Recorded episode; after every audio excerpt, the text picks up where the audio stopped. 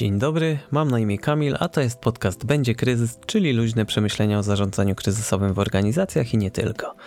W dzisiejszym odcinku moim gościem jest Joanna Skutkiewicz, freelancerka, dziennikarka, triatlonistka, podcasterka i ogólnie kobieta wielu talentów. Dzień dobry, dzień dobry, proszę Państwa. Korzystając z tego, że mam taką możliwość, chciałbym z Asią porozmawiać o zarządzaniu kryzysowym w triatlonie. I takie pierwsze proste pytanie: na jakich etapach można się przygotować na kryzysy w triatlonie? No właściwie można przygotować się na kryzysy już na etapie treningu, a nawet powiedziałabym, że wcześniej, bo można sobie pewne rzeczy wizualizować. I na pewno jeżeli chodzi o e, sprawy sprzętowe, treningowe, jeżeli chodzi o odżywianie, tak naprawdę wszystko można sobie zwizualizować, wszystko przećwiczyć. Jest to na pewno bardzo wskazane, żeby też trenować w warunkach takich jak najbardziej zbliżonych do tego, co będzie na zawodach. No dobrze, to porozmawiajmy sobie może o tej wizualizacji, o strategii, na czym to może polegać. Jeżeli chodzi o wizualizację, no to właściwie myślę, że to nie jest takie proste, jak niektórzy sobie wyobrażają, bo zresztą nomen omen bo oczywiście można sobie wyobrażać pewne rzeczy, ale trzeba też wiedzieć, e, jak to wygląda potem w praktyce. Bo możemy sobie wyobrażać na przykład, co zrobimy, jeżeli e, pęknie nam dętka w trakcie zawodów, no ale jeżeli nigdy nie robiliśmy czegoś takiego jak wymiana dętki, no to jedno to jest to, co sobie wyobrazimy, a drugie to jest to, co faktycznie będziemy w stanie zrobić. Więc myślę, że wizualizację należy rozpocząć raczej od tego, żeby jednak trenować w warunkach zbliżonych do tego, co się może wydarzyć i żeby po prostu być w stanie przewidzieć rzeczy, które już mamy za sobą. Czyli właśnie tak jak z tym, dętką, o której wspomniałam, y, po prostu ćwiczyć różne rzeczy, które mogą się wydarzyć, bo może nam się wydawać, że y, nic się nie wydarzy na trasie, a jednak wiele różnych rzeczy się dzieje i warto być przygotowanym do jak największej rzeczy z, z nich, do jak największej części. Czyli generalnie duży nacisk jest kładziony na to, żeby przewidywać sytuacje kryzysowe y, i to jest, zakładam, na co najmniej trzech poziomach. Po pierwsze, tak jak wspomniałaś, problem ze sprzętem.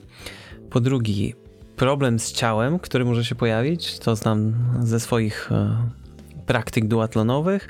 No i jeszcze jest kwestia taka jak przygotowanie mentalne, przygotowanie głowy. Tak jest. Tak, i no faktycznie można się do wielu rzeczy przygotować, ale tak jak wspomniałam, trzeba też y, wiedzieć, do czego się można przygotować, i tutaj myślę, przydaje się ogólnie siedzenie w tym sporcie, bo jeżeli jesteśmy osobami początkującymi, no to większość rzeczy i sposoby radzenia sobie z nimi możemy poznać poprzez obserwacje czy to innych zawodników, czy to chociażby rywalizacja na tym najwyższym poziomie, która jest pokazywana w internecie, na transmisjach, w telewizji, to oczywiście się bardzo przydaje. No i też takie bieżące kontakty, myślę, czy to z trenerem, który może coś podpowiedzieć i nawet y, powiedzieć wprost, co się może wydarzyć na trasie i jak temu zapobiegać. E, ale myślę, że właśnie warto wplatać w swoje treningi rzeczy takie jak e, umiejętności bo jedno to jest wydolność, siła, technika na rowerze, w pływaniu, w bieganiu, no ale triatlon to jest jednak triatlon, to nie są te trzy dyscypliny osobno i warto się przygotować do tego, żeby po pierwsze właśnie no, strefy zmian, e, czyli ta czwarta dyscyplina, odżywianie, czyli ta powiedzmy piąta dyscyplina. Można je numerować, myślę, dowolnie. Natomiast jest bardzo dużo rzeczy, które mogą się po drodze rozsypać, bo na przykład jeżeli trenujemy strefę zmian tak bardzo na sucho, to znaczy robimy osobną jednostkę treningową, która się nazywa strefa zmian, to jednak nie odwzorowujemy tych warunków, które mamy w warunkach bojowych, bo jak na przykład zdejmujemy piankę po treningu, chcemy to zrobić szybko, no to mimo wszystko nie lecimy do tej strefy zmian, tak y, jak jesteśmy na treningu, nie musimy już powtarzać sobie w myślach swojego numeru stanowiska. Dużo jest takich rzeczy, które jednak na tych zawodach dochodzą. Wiadomo, że jeszcze na zawodach są inni ludzie, są nasi rywale, którzy e, tam mogą wybiec przed nas, mogą nas gonić. To wszystko też bardzo wpływa. E, też e, samo przejście z pozycji wertykalnej do horyzontalnej bywa mocno problematyczne. Chyba na odwrót. Dokładnie na odwrót, z horyzontalnej do wertykalnej. A jeszcze to ręką pokazałam, także... tak, nagła Na szczęście pozycji. nie mamy wizji. No, na szczęście, bo już bym się pogrążyła całkowicie. Ale no właśnie, wszystkie takie rzeczy są do przećwiczenia oczywiście na sucho jako takie wstępne rozeznanie się, ale potem jak najbardziej warunki bojowe. No i myślę, że te pierwsze starty w zawodach również są mocno treningowe. Jakkolwiek bardzo się spinamy na to, żeby już osiągać jak najlepsze wyniki, jak najbardziej się ścigać, no to jednak e, ja mogę ze swojego doświadczenia powiedzieć, nie jestem jakaś wybitnie ogarnięta manualnie, mówiąc bardzo subtelnie. I mi naprawdę kilka sezonów zajęło to, żeby czuć się pewnie, jeżeli chodzi właśnie o ogarnięcie się w strefie zmian. E, robienie pewnych rzeczy automatycznie. No też przyznaję, że raczej nie ćwiczyłam takich rzeczy w warunkach bardzo bojowych, bo jeżeli na przykład szłam na trening open water, no to był to faktycznie trening open water, a niekoniecznie już e, strefa zmian bez dobiegania do roweru, a nawet jeśli, no to byłoby to coś zupełnie innego niż to, co mam na zawodach, bo tak jak mówię, no jednak mam rywalizację, tutaj mnie ktoś walnie w głowę, tutaj muszę biec, zdejmować piankę, e, tak żeby na przykład nie zdjąć chipa sobie z nogi, a to też przecież przecież e, nie jest takie oczywiste, no bo jednak jak jesteśmy na treningu, to tego chipa na nodze po prostu nie mamy. Mm, musimy zadbać o to, żeby czepkę okularków nie zgubić na zawodach, a na treningu tak naprawdę jak zgubimy na tym dobiegu 50-metrowym, to nic się nie stanie. E, musimy zadbać przecież w strefie zmian e, o to, żeby wszystkie swoje akcesoria wrzucić w odpowiednie miejsce, żeby na przykład pianką nie przykryć sobie butów do biegania, które potem będą mokre, żeby tej pianki nie wyrzucić poza obręb swojego koszyka. To jest mnóstwo elementów i no, mm, żaden nie da rady zrobić tak, uważam, żeby już na pierwszym starcie zrobić wszystko idealnie e, żeby, no może niekoniecznie, żeby nie dostać dyskwalifikacji, bo to już jest bardziej hardkorowe, już trzeba zrobić jakiś taki poważny błąd, ale jest bardzo dużo rzeczy, do których się po prostu dochodzi poprzez praktykę. Także wizualizacja tak, ale jednak trening, no i praktyka jak najbardziej w warunkach bojowych. Czyli jest tak, że no, to jest taka sytuacja typowa dla kryzysu, że działamy pod presją czasu na zawodach. Zdecydowanie Szczególnie tak. jeśli chcemy zrobić wynik. Pod presją czasu, pod presją rywali, pod presją kibiców, pod presją tego, że właśnie mamy ten stoper, który bezlitośnie odlicza. No i wiadomo, to wszystko bardzo, bardzo wpływa. No i adrenalina oczywiście, bo nie odwzorujemy takiej adrenaliny i takich emocji na żadnym treningu, choćby był jak najbardziej zbliżony właśnie do zawodów. Mm, kolejne pytanie, które mi się nasuwa, um, czyli trening w kontekście przygotowania głowy. E, wielu triatlonistów jest dość słabymi pływakami i najczęściej takie problematyczne tematy to znam z e, autopsji, e, bo na zawodach triatlonowych, gdzie udało mi się wystartować, to na etapie pływackim dwa razy wylądowałem w łódce, bo łapała mnie panika. No ale e, właśnie, ta panika w wodzie, często spowodowana przez to, że na przykład jest jakaś dzika pralka, albo e, warunki, które tak jak na przykład w Gdyni w zeszłym roku na dystansie sprint były, no nieoptymalne to jest e, niedopowiedzenie roku. Myślę, fala była taka, że, że część ludzi zrezygnowała w ogóle ze startu, a część ludzi no, była wyławiana, trzeba było tych ludzi ratować. Czy można się w jakiś sposób do tego przygotować? Po części, myślę. Bo oczywiście jest tak, że im jesteś lepszym pływakiem w basenie, im jesteś bardziej obeznany i bardziej pewny w basenie, tym będzie ci łatwiej w wodzie otwartej. I to jest absolutnie niekwestionowalne. Nie znam pływaka basenowego, który by wszedł do open water i powiedział, nie wiem co dalej. To się nie zdarza, więc y, im właśnie jesteś bardziej obeznany z wodą taką nieotwartą, tym będzie ci lepiej w wodzie otwartej. Natomiast jeżeli chodzi o symulowanie warunków takich, jak było w Gdyni, no to moim zdaniem nie da się, mówiąc wprost bo faktycznie w Gdańsku, czyli w lipcu 2019 roku, były najcięższe warunki, jakie pamiętam, i mieliśmy taką długą, prostą, chyba 500-metrową e, pod falę, i to faktycznie już było bardzo trudne do ogarnięcia. Natomiast w sierpniu na sprincie w Ironmanie gdyńskim to były już warunki takie naprawdę bardzo, bardzo hardkorowe, i tam, z tego co pamiętam, jedną trzecią osób ratownicy wyławiali. A to już jest ogromnie dużo. E, no, wydaje mi się, że tutaj problem jest ogólnie bardzo złożony i kompleksowy, no bo niestety mamy taką chyba jeszcze kulturę w triatlonie, że a, wstanę z kanapy i udowodnię, że można. Generalnie e, sprinterski dystans jest na tyle dostępny, jeszcze jest taki powiedzmy ogarnialny umysłem, no bo wiadomo, Ironman to już przeraża większość ludzi, ale sprint jest taki, że a, 750 metrów pływania jeszcze w piance, w piance jest trudno pójść na dno, bo to jest tak, jakby się pływało Znam na materacu. takich, co potrafią. No, gratuluję. E, tak, jest trudno pójść na dno. Generalnie to jest tak, jakby się pływało na jakimś dmuchanym materacu, więc ludzie czują się dużo bezpieczniej i pianka także pomaga słabemu pływakowi, więc y, jakby się uprzeć, no to można się w tę piankę ubrać, machać jakoś tam rękami i powiedzmy, że się dopłynie do, z punktu A do punktu B, jeżeli się jakoś tam ogólnie ogarnia pobyt w wodzie. Natomiast faktycznie warunki w Gdyni były przehardkorowe. I ja na przykład jak pływałam jeszcze w grupie mastersów, Warsaw Masters Team w Warszawie, to miałam grupę taką stricte triatlonową i my tam ćwiczyliśmy różne umiejętności triatlonowe, takie jak na przykład nawigacja, e, pływanie kraulem ratowniczym, czyli w ogóle z głową nad wodą, oddychanie w triatlonie, jak to zrobić, żeby się nie zakrztusić, e, co zrobić, jak na przykład rywal płynie blisko nas i podbija nam rękę, jak na przykład dostaniemy kopa, e, jak ktoś nam wpływa uporczywie w nogi. I takich rzeczy można się nauczyć, ale to cały czas nie jest odwzorowanie tego, co było w Gdyni, bo w Gdyni po prostu był uber hardcore, bardzo wysokie fale, i nawet bardzo dobrzy pływacy, nawet dziewczyny z pro, mówiły, że czegoś takiego jeszcze nie widziały. Jak startują na całym świecie, e, w zawodach, właśnie w elicie, gdzie naprawdę idzie rywalizacja ostra od początku do końca i gdzie jakieś tam rozpinanie sobie pianek wzajemnie, ściąganie czepków, walenie się kopami po głowie jest właściwie na porządku dziennym, niestety. No to one mówiły, że czegoś takiego jeszcze nie przeżyły, jak było w Gdyni. Ja akurat osobiście czuję się stosunkowo dobrze w takiej fali. Mam wrażenie, co prawda, że się nie poruszam naprzód, ale jednak e, no, stosunkowo nawet lepiej sobie radzę niż te dziewczyny, które w basenie pływają dużo lepiej ode mnie. Ale czy do tego da się przygotować? Moim zdaniem nie za bardzo. Po prostu trzeba pływać, trzeba trenować i właśnie ucięłam ten wątek, jeżeli chodzi o Warsaw Masters Team.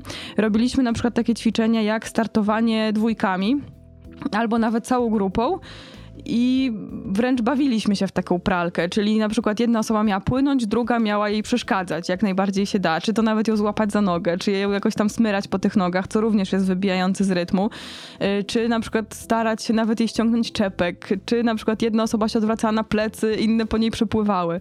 I dzięki temu można się na przykład nauczyć tego, żeby ogarnąć umysłem to, jak ktoś cię wpycha pod wodę albo cię łapie za nogę.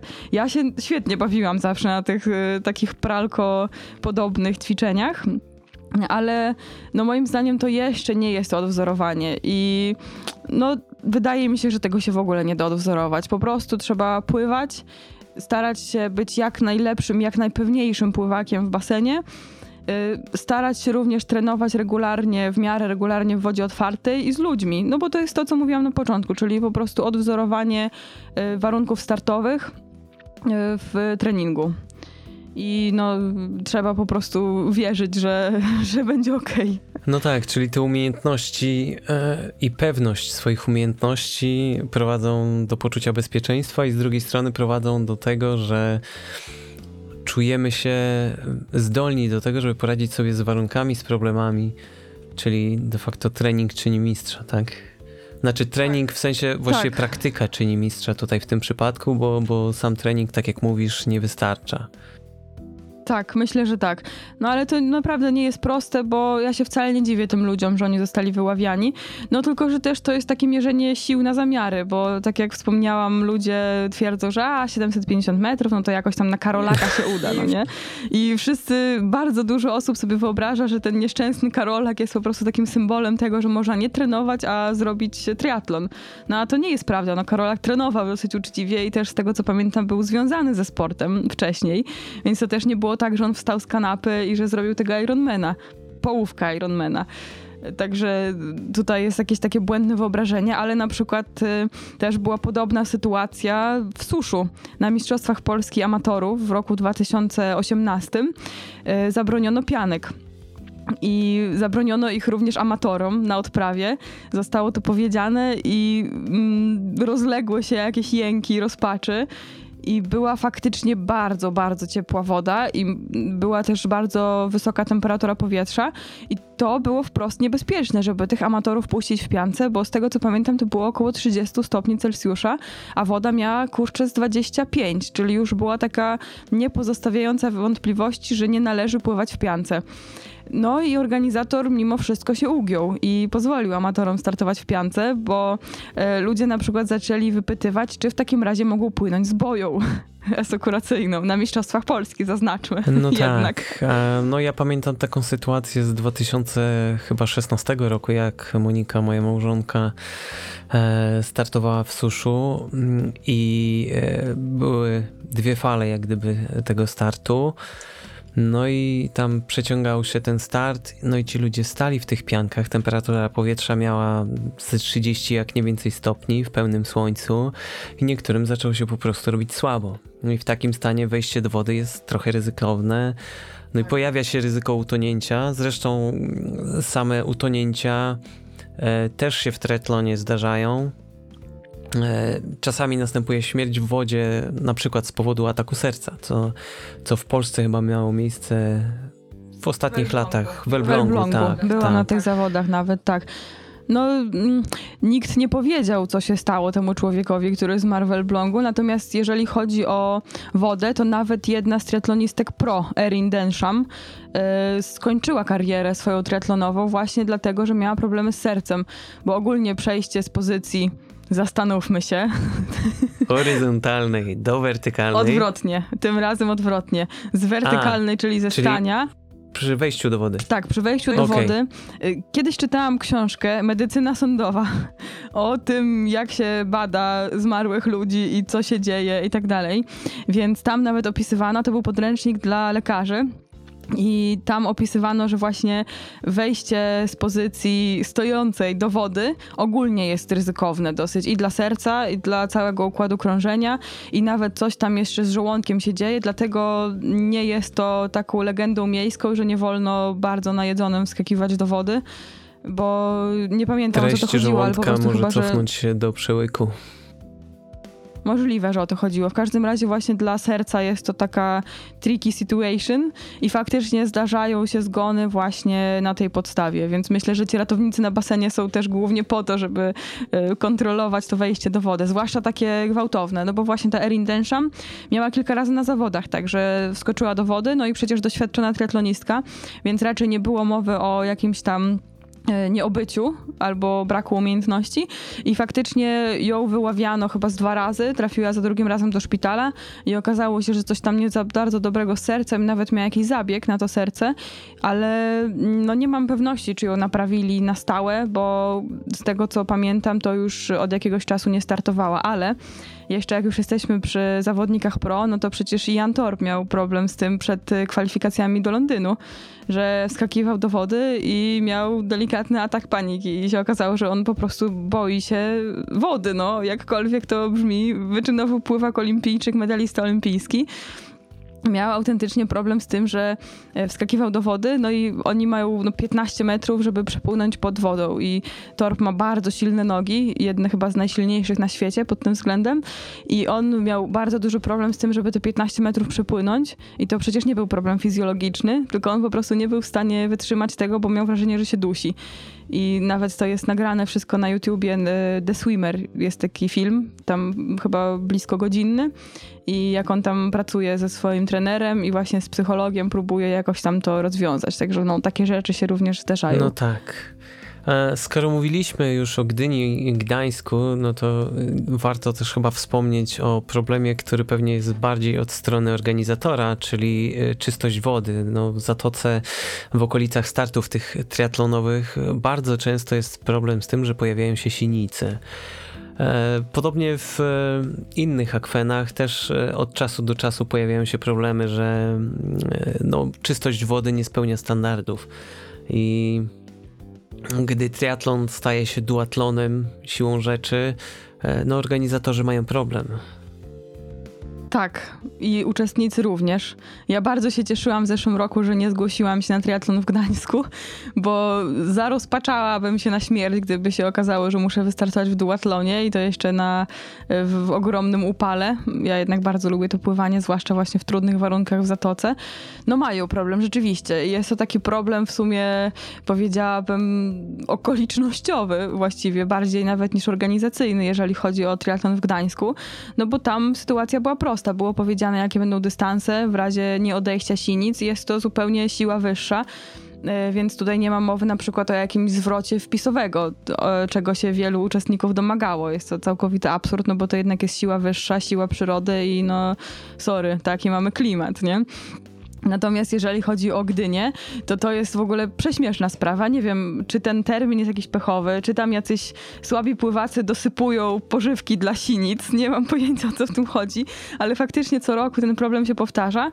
No i na szczęście magicznie te sinice odchodzą. No, trzeba też wiedzieć, że jest to taki problem może nie uznaniowy, ale taki, który jednak da się jakoś tam zmarginalizować, na przykład badając stan wody trochę dalej od brzegu albo w innych warunkach pogodowych i tak dalej, i tak dalej. No niemniej faktycznie, no Ironman ma duży problem z tym faktycznie i Gdańsk tak samo, a jeżeli chodzi o czystość wody innego rodzaju, no to był taki fuck up w którychś zawodach w labosportu. Nie pamiętam już, który to był triatlon, ale tam już po starcie się okazało chyba, że wyniki badań wody były dalece odbiegające od normy. Ludzie się faktycznie pochorowali, potruli. No z tego co wiem, to jakichś tam większych tragedii z tego nie było. Po prostu tam mieli rewolucje żołądkowe przez kilka dni. Ale jeżeli dobrze pamiętam, no to organizator nawet się zdecydował na to, żeby jakoś tam zrekompensować te straty i chyba po dwie stówki wypłacali tym ludziom. E, albo dali im bezpłatne, startowe na któryś z kolejnych triatlonów. I to uważam jest super zarządzanie kryzysem. No bo wpisowe na kolejny triatlon to już jest coś takiego, że e, triatlonista łasy startów i taki, który już e, nadwątlił budżet domowy.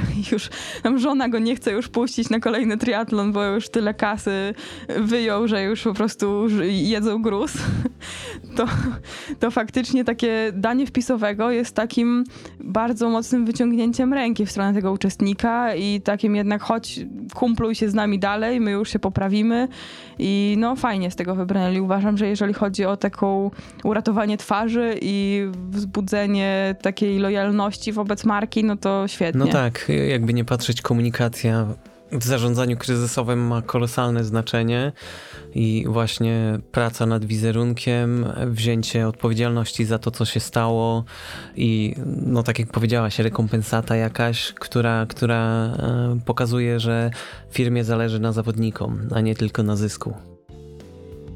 No i właśnie dlatego fajniej, bo z tymi dwiema stówkami to być może jakiś jest to mój wymysł. E, nie pamiętam, czy tam była proponowana rekompensata finansowa za jakieś tam wpisowe, czy właśnie podarowanie wpisowego na kolejne zawody, ale uważam, że druga opcja jest dużo fajniejsza, no bo jak dostaniesz dwie stówki, no to wydasz je na cokolwiek i stwierdzisz, że a, tutaj spowodowali, że przez trzy dni nie wyszedłem z toalety, ale przynajmniej mam dwie stówy, więc to mi się zwróci za enterol. a tak, jak dostajesz wpisowe, no to jednak znowu musisz pojechać na te zawody, znowu się skonfrontować z tymi wszystkimi ludźmi, e, znowu być z tymi organizatorami na ich trasie i no de facto zaufać im ponownie. I uważam, że to jest bardzo dobry no pomysł. No tak, i to taka sytuacja daje jeszcze nadzieję, że te badania wody będą robione, znaczy, że zostanie wyciągnięta nauka i te badania wody będą robione częściej e, tuż przed samym triatlonem, żeby sprawdzić, czy nie będzie mm, e, jakiegoś problemu z czystością wody. Zresztą e, problem z czystością wody też był podnoszony przy okazji tutaj pływania w zatoce, jak e, mhm. była awaria przepompowni ścieków, tak, i dużo, dużo ścieków trafiło do zatoki. Tak, tak. No, nie chcę się wypowiadać, bo nie jestem ekspertką w tych sprawach, natomiast no, to kurczę jest takie trochę chyba rozdmuchiwanie różnych y, problemów, bo jeżeli byłoby faktyczne zagrożenie epidemiologiczne, no to myślę, że nie zostałoby to zlekceważone przez władze, bo jednak potrucie się y, tysięcy osób przez jakieś tam bakterie kałowe, no to byłby bardzo poważny problem i to nie tylko dla organizatorów, lecz także dla miasta. No tak, a plaże przecież nie zostały zamknięte. Sanepid dopuścił Właśnie do korzystania z plaż, także tak, no więc y, tutaj chyba trochę clickbait się z tego zrobił, wydaje mi się. Oczywiście, no było to okropne i w ogóle dopuszczenie do takiej sytuacji, że to wszystko zostało wypuszczone do morza, no to masakra, tragedia, dramat i w ogóle y, nie wiem, jak coś takiego można było zrobić. Natomiast to był jakiś tam maleńki procent y, całej zatoki, pewnie nawet promil, a nie procent, więc to się po prostu no, rozniosło. Pewnie gorzej jest przy plażach, jeżeli nie ma wiatru, kąpie się tam bardzo dużo ludzi i to właśnie właśnie kąpie, nie użyłam tego wyrazu nie, nieświadomie, nie tylko faktycznie oni się tam kąpią i myślę, że na tych miejskich plażach może być nawet gorzej i wydaje mi się, że to jest takie trochę y, właśnie rozdmuchiwanie clickbaitów, tak samo jak na przykład z pożarem Australii, no nie? Że tutaj już no tak. pojawiały się głosy, że Australia płonie i zaraz po prostu kontynent się cały zjara, a to był jakiś tam chyba 1% Australii, czy tam nawet 80%. 80% no właśnie. Tak. No dobrze, to trochę zdryfowaliśmy od naszej agendy, którą Do sobie przygotowaliśmy, ale um, powróćmy na, chwilę chociaż do tej agendy, zobaczymy, gdzie nas dalej poniesie. E, porozmawiajmy chwilę o sprzęcie triatlonowym. Na ile to jest istotny aspekt, jeśli chodzi o unikanie kryzysów? Dobranie sprzętu pod siebie, czy, czy nawet dbanie o swój sprzęt? Tak, ogromnie ważny. Y, strasznie ważny i właściwie nie zdawałam sobie sprawy z wagi tego zagadnienia, dopóki nie usłyszałam bardzo mądrej prelekcji Sławka Wojciechowskiego z Drerowery na Gdyńskim Tygodniu MTB, to chyba było dwa lata temu i on tam opowiadał właśnie o tym, że nie ma pecha w sporcie. I ja trochę się obruszyłam na to, bo ja bardzo lubiłam sobie pewne rzeczy wytłumaczyć tym, że coś mi się przydarzyło, że miałam pecha, że coś tam, coś tam, ktoś tam, wiesz, jakieś tam nie, nieprawidłowe ułożenie księżyca wobec słońca. Generalnie zrzucenie z siebie odpowiedzialności za to, co się przydarzyło. Dokładnie. I on tam właśnie opowiadał, w jaki sposób można zapobiegać kryzysom i od takich najprostszych rzeczy, jak na przykład to, żeby po dowiezieniu roweru na miejsce po prostu wszystko posprawdzać, żeby zrobić jazdę próbną, żeby sprawdzić hamulce, przerzutki, łańcuch, wszystko, wszystko. I to pomaga zapobiegać takim rzeczom. No i w triatlonie jest to tak samo istotne. No tak, mam paru znajomych, którzy mieli taki problem, że mm, po przewiezieniu roweru właśnie nie sprawdzili wszystkiego dokładnie i potem okazało się, że 90 km na połówce Ironmana jechali z obcierającym hamulcem. O Boże, to jest, no, to jest najgorsze, co się może wydarzyć chyba. Tak, ja na przykład przyjechałam kiedyś e, w Gdańsku na triatlonie, chyba z 30 km z pękniętą szydką. E, I jechałam bardzo wolno. Waty się zgadzała, jechałam bardzo wolno, więc nie za bardzo wiedziałam, co się stało, i dopiero potem zobaczyłam, że miałam tą dętkę, e, szydkę walniętą. Natomiast właśnie już wspomniany Sławek Wojciechowski na szczęście tak dobrze mi te szydki założył i przykleił, że byłam w stanie w ogóle przejechać, więc też, no właśnie, tutaj już się zaczyna od doboru sprzętu tak naprawdę, unikanie kryzysów. No tak, no bo jak, jak sobie popatrzymy e, na dyscypliny po kolei, tak? Najpierw pływanie, to musi być odpowiednia pianka. Tak. E, ona musi być dopasowana, najlepiej dobrać ją w jakimś fachowym sklepie. Myślę, że tutaj, jeśli chodzi o doradztwo, to ja mogę pozdrowić tripower.pl. Ja również, Maćku, for the win. Tak. Później mamy mm, no, pierwszą strefę zmian, to, to warto wiedzieć, jak się nasz kask zakłada. Warto mieć dopasowany tak. kask, mm, dobrany pod naszą głowę. Rower, pozycja na rowerze, to po pierwsze wpływa na stabilność, mm, po drugie wpływa na, na prędkość, z jaką jedziemy, na, naszą, na nasz opór aerodynamiczny. No i po trzecie, jeżeli znamy nasz sprzęt, wiemy, że nawet jeżeli sami nie potrafimy go serwisować, był serwisowany przez dobrych serwisantów, e, to daje nam to dużą e, dozę takiej pewności, że sprzęt jest niezawodny. Tak, zdecydowanie tak. No sprzęt jest y, zawodny mimo wszystko, bo różne rzeczy się zdarzają i to właśnie również uszkodzenia mechaniczne. No jak najedziemy tak, na, no coś, na no to... Właśnie, najechanie na coś albo... E, Ktoś nam kopnie... Za mocno coś... ciśniemy, a nasz hak przerzutki się wykrzywił i na przykład przerzutka nam się sama zmieli, tak? No to się zdarza, tak. ale właśnie dlatego tak istotny jest też dobry serwis Tak, zdecydowanie tak. I przetestowanie sprzętu jeszcze przed wstawieniem do strefy zmian. Oj, to jest bardzo ważne. Ja na przykład y, próbuję uniknąć kryzysu. Wiem, że na trasie nie poradzę sobie z wieloma rzeczami, że mm, z tętnem bliskim spoczynkowym, spoczynkowemu jestem w stanie sobie poradzić z różnymi rzeczami. Jakaś tam zmiana dętki, no namęczę się z tym strasznie, ale w końcu tę dętkę zmienię. Jakiś tam spadnięty łańcuch. To wszystko jest trzy razy trudniejsze na trasie, kiedy jest adrenalina, stoper, rywale, rywalizacja i tak dalej.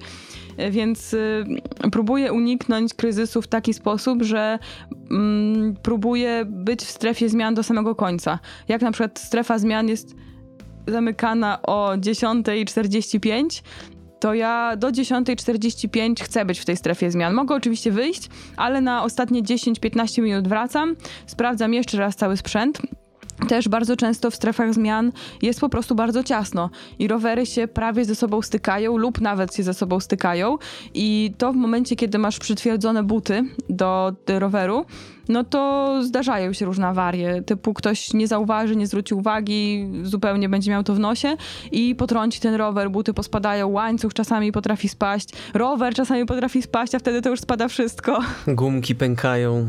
Zdecydowanie. Znaczy mowa cały czas o gumkach do... Cały czas jesteśmy w sporcie. Tak, do mocowania butów, e, tak żeby można było po wskoczeniu na rower łatwo wsunąć stopy w buty i zacząć pedałować. Tak jest. E, no właśnie i ja staram się wyjść ze strefy zmian już jak wyganiają, żeby po prostu mieć pewność, że y, ze swoich sąsiadów wychodzę ostatnia. No różne rzeczy się zdarzają w strefie zmian. No tak, znane są też przypadki, które chociażby na Mistrzostwach Polski się zdarzyły, y, gdzie był tak zwany system workowy, czyli mm, sprzęt mm, tak. do strefy zmian był trzymany w workach i okazywało się, że na przykład po wyjściu z etapu pływackiego, po wyjściu z wody, część zawodników nie mogła odnaleźć swoich worków ktoś je poprzewieszał. Tak. I no, w takiej sytuacji w sumie ciężko wyczuć, czy to było działanie czyjeś celowe, czy to było działanie przypadkowe, no ale ciężko wierzyć w przypadek na imprezie takiej rangi. Bardzo ciężko, zwłaszcza, że sędziowie powinni być do końca obecni lub wolontariusze przynajmniej przy tych workach właściwie non-stop.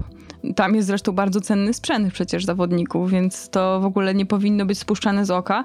I też powinny być kamery. No przecież jeden z zawodników pro się właśnie natknął na taki problem chyba właśnie w Poznaniu lub w Suszu, przepraszam, w Suszu, suszu to było. Tak, to było w Suszu. Że no nie odnalazł swojego kasku na rower, więc po prostu nie mógł uczestniczyć dalej w rywalizacji. I ten kask się znalazł gdzieś tam chyba nawet, y, nie wiem, z 15 minut później, więc już nie bardzo było o co walczyć. Już mógł jedynie sobie przejechać po trasie, bo zapłacił startowe, co raczej się nie zdarza wśród zawodników pro, żeby w ten sposób podeszli do rywalizacji.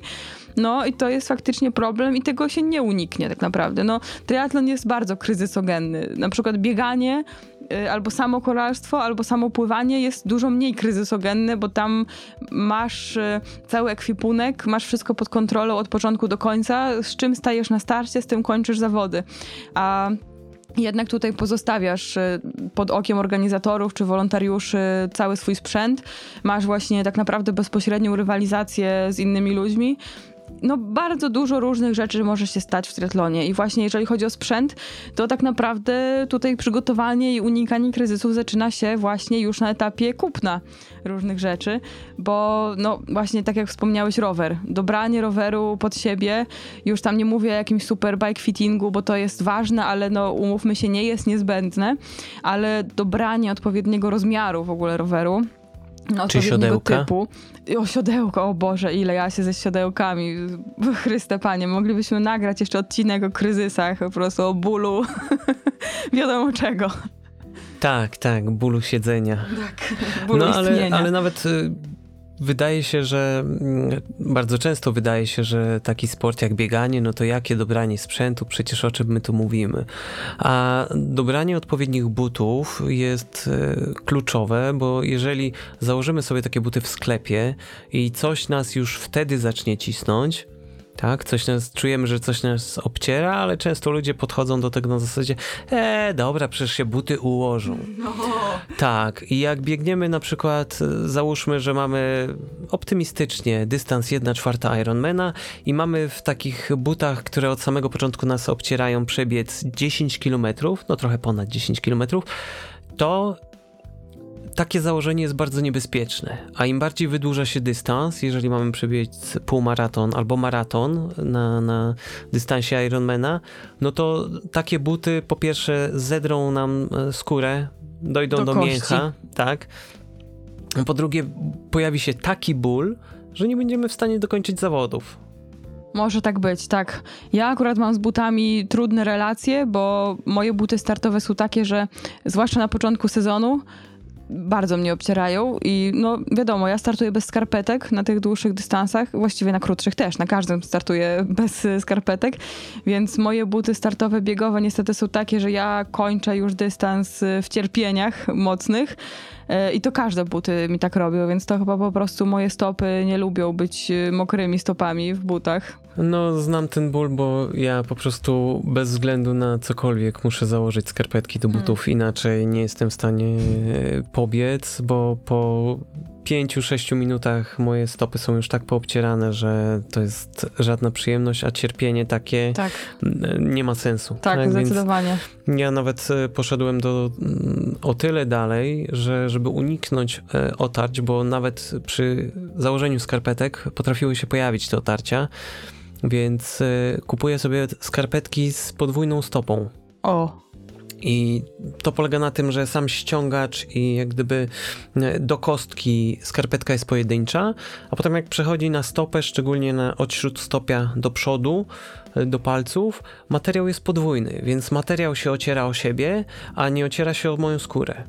sprytne. No, I to zapobiega dobrze. otarciom, e, wszelkiej maści pęcherzom, tego typu rzeczom. Mhm.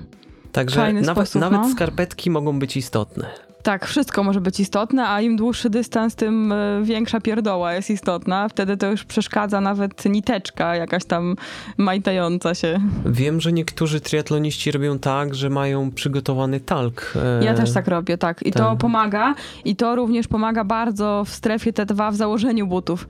Bo ja potrafiłam spędzić w strefie zmian T2 naprawdę jakieś e, godziny i już wszyscy mi odbiegli, a ja jeszcze się męczyłam z butami.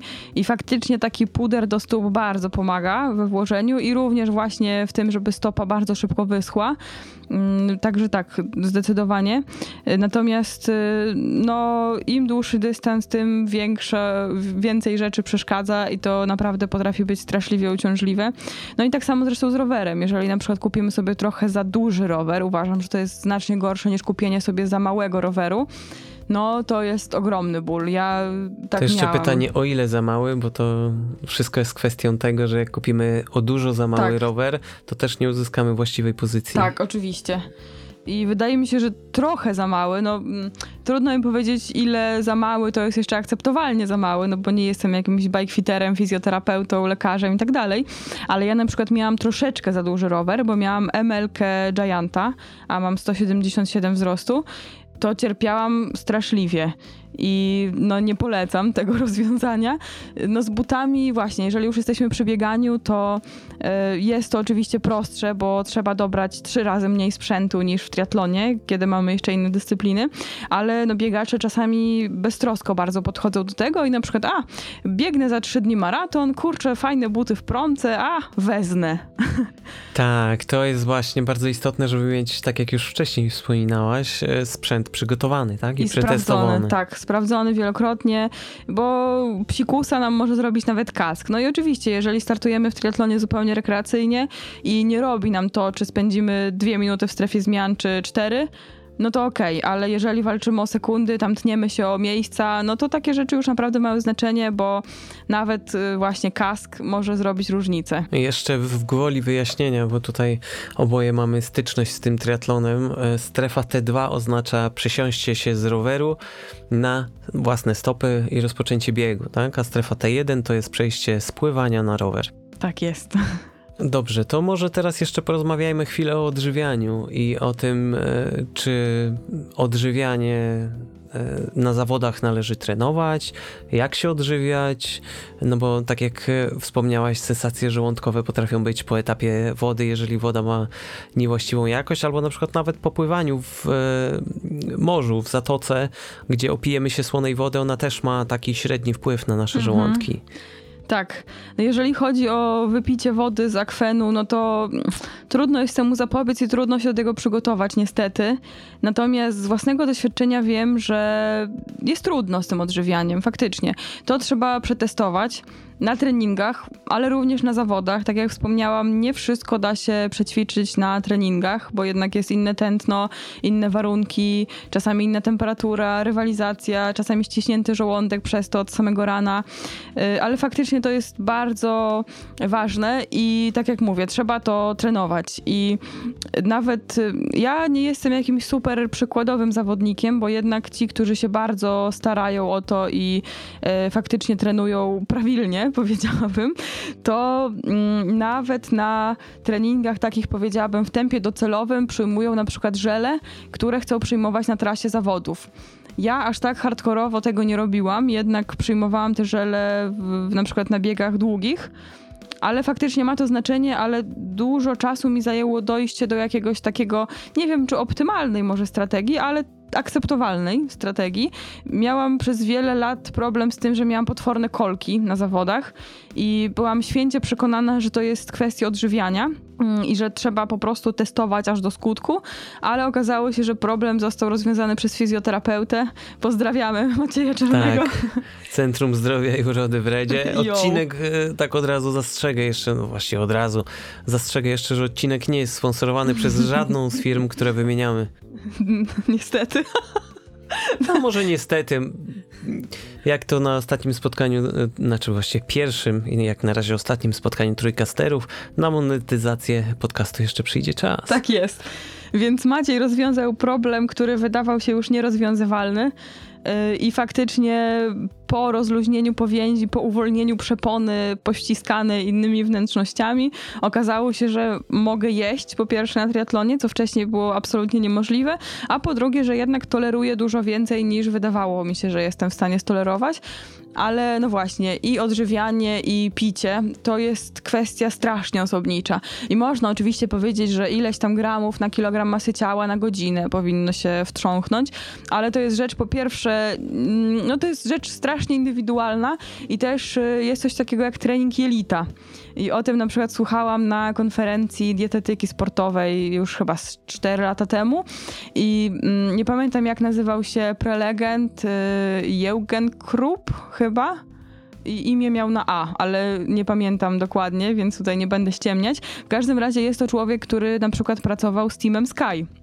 Mm, I on mówił, że kolarze mają trening jelita, czyli y, jedzą stopniowo jak najwięcej i dochodzą do jakichś takich horrendalnych wartości gramów węglowodanów na kilogram na godzinę, to pozwala im po prostu jechać efektywniej i dłużej. Bo jedzenie w triatlonie jest takie, że jak już poczujesz, że jesteś głodny, to już jest dalece za późno, żeby się ratować. Tak samo jak poczujesz, y, że jesteś spragniona, to już też jest za późno, żeby się ratować. Tak, tak, podobno również tak. No właśnie, i to jest rzecz y, do wytrenowania po pierwsze, po drugie bardzo indywidualna, no ale właśnie zachęcam do testowania różnych tam swoich limitów, preferencji i jakichś tam granic tolerancji, bo to po prostu jest do przetestowania. No tak, ja y, korzystałem przez jakiś czas y, z mm, odżywek węglowodanowych w trakcie treningu firmy chyba Vitargo i okazało się, że skrobia kukurydziana średnio działa na moje jelita i bardzo było często tak, że w trakcie treningu rowerowego musiałem pilnie udać się do toalety. Także no, dlatego warto testować to samo, co będziemy te testowali na zawodach, znaczy, czego będziemy używali na zawodach. Tak. A jeszcze jedna rzecz jest taka, że niektórzy szczególnie na dystansie Ironman, e, nie tolerują przyjmowania tylko i wyłącznie żeli. Muszą mieć jakieś takie stałe jedzenie, czyli e, niektórzy, na przykład Marcin Konieczny, zabiera sobie kanapki. Tak robi sobie jakieś bułki z, z czymś w środku i po prostu wcina te bułki. Tak, tak. No to jest duża niższa intensywność, więc również jest łatwiej po pierwsze technicznie to oszamać, a po drugie jest łatwiej to przyswoić, bo jednak jak jest y, bardzo wysoka intensywność, na przykład na sprincie, no to graniczyłoby z cudem w ogóle zjedzenie takiej kanapki, byłoby to trudne logistycznie, ale też y, tyle krwi odpływa z jelit, w ogóle organizm się wtedy nie chce zajmować zajmować czymś takim przyziemnym jak trawienie, bo tutaj wszystkie moce są skierowane na coś zupełnie innego. E, ale tak, no na dystansie Ironmana to już jest powiedzmy intensywność. Jeżeli się nie walczy o najwyższe miejsca, no to powiedzmy, że jest to takie aktywne spędzenie dnia w ruchu. Tak, e, no Marcin Konieczny w końcu mistrz świata w age grupie, jeśli chodzi o Ironman. Mam nadzieję, że nie obrazi się e, za to, że nazywamy go mistrzem świata, no ale fakt jest taki, że jest. Znaczy, był no tak? No tak. I teraz ma jeszcze plan, żeby znowu wystartować e, w swoim, w nowej kategorii K50, jak już do niej dojdzie. M50. I, e, Aż M50, tak daleko nie idźmy. tak. M-kon mi się z literką K, nie wiem dlaczego kojarzy, że tam zawsze po M jest K, tak. W, w kategorii M50 Aż takich dalekich planów życiowych chyba nie masz. No, no, chyba nie, chyba, chyba, chyba tutaj się trochę za daleko posunąłem. W każdym razie ma zamiar wystartować i ma zamiar zostać ponownie mistrzem świata Ironman. Tak jest. No tak, a Sebastian Karaś na triple Ironmanie, na triple albo na double Ironmanie, pobijając rekord świata. To Robert Karaś. O, oczywiście Robert Karaś, tak. Seba Karaś pływa La Manche z meduzami. A... Tak, i teraz też triatlonuje. Tak, z niezłymi wynikami. No Karasie są udani bardzo. Natomiast tak, Robert Karaś na double Ironmanie albo na triple Ironmanie przy podejściu udanym zresztą do pobijania rekordu świata poprosił o pizzę, bo miał jakieś tam musy przygotowane, które przyjmował co chyba 8 minut. Tak, to było na triple Ironmanie. Tak. No i powiedział, że on już tych musów nie zdzierży i żeby mu zamówili pizzę. I to było w ogóle kompletnie poza strategią, więc to też jest ciekawe zarządzanie kryzysem, bo jego team mógł powiedzieć nie kurde, było przećwiczone że jedziesz na musach, y, masz tylko to przećwiczone, masz tylko to jakoś tam, y, wiemy, że to przyswoisz i teraz mogli powiedzieć, że no nie, że rekord świata, nawet ukończenie tego dystansu jest zagrożone, jeżeli tobie tutaj podamy pizzę, bo taką masz fanaberię. No a zgodzili się i okazało się, że to jest strzał w dziesiątkę, więc no czasami także y, spontaniczna decyzja okazuje się tą właściwą.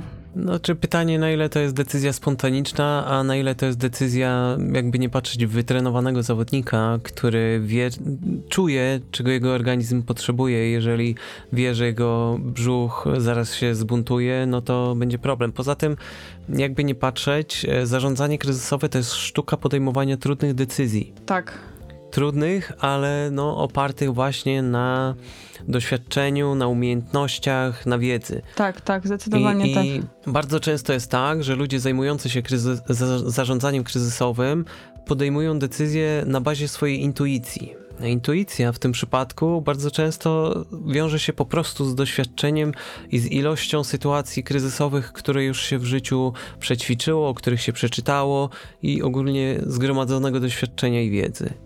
Tak, na pewno tak, aczkolwiek y, byłabym ostrożna z tym, żeby uwierzyć na przykład Robertowi Karasiowi, że on już w stanie umysłu po ukończeniu tych x kilometrów y, pływania, x kilometrów roweru i mając przed sobą jeszcze x kilometrów biegu, jest w stanie podjąć decyzję jeszcze na bazie doświadczenia i wiedzy i znajomości swojego organizmu, bo wydaje mi się, że jednak to już jest tak odmienny stan świadomości, tak jak na przykład, nie wiem, na rajdach przygotowych po trzeciej dobie już się widzi zielone słonie na trasie, to jednak ten team jest tutaj po to, żeby podejmować rozsądne decyzje, ale tym bardziej szacun dla nich, że potrafili podjąć decyzję taką nieoczywistą i nieintuicyjną. Dobrze zarządzili kryzysem. E, no tak, no tu jest jeszcze kwestia konsultacji tak? No tak. Przy, przy podejmowaniu decyzji, ale to jest akurat temat na kolejny podcast. Um, także może, może ten temat już porzućmy. Myślę, że nagadaliśmy się dość sporo, więc może przejdźmy już do zakończenia. Także moim gościem dzisiaj była Joanna Skutkiewicz, kobieta wielu talentów, autorka podcastu Co ona gada, który bardzo serdecznie polecam uwadze. E, a to był podcast Będzie Kryzys. Zapraszam na kolejny odcinek już niedługo. I dziękuję Asiu, że wystąpiłaś jako gość. Dziękuję również. I do usłyszenia. To pa!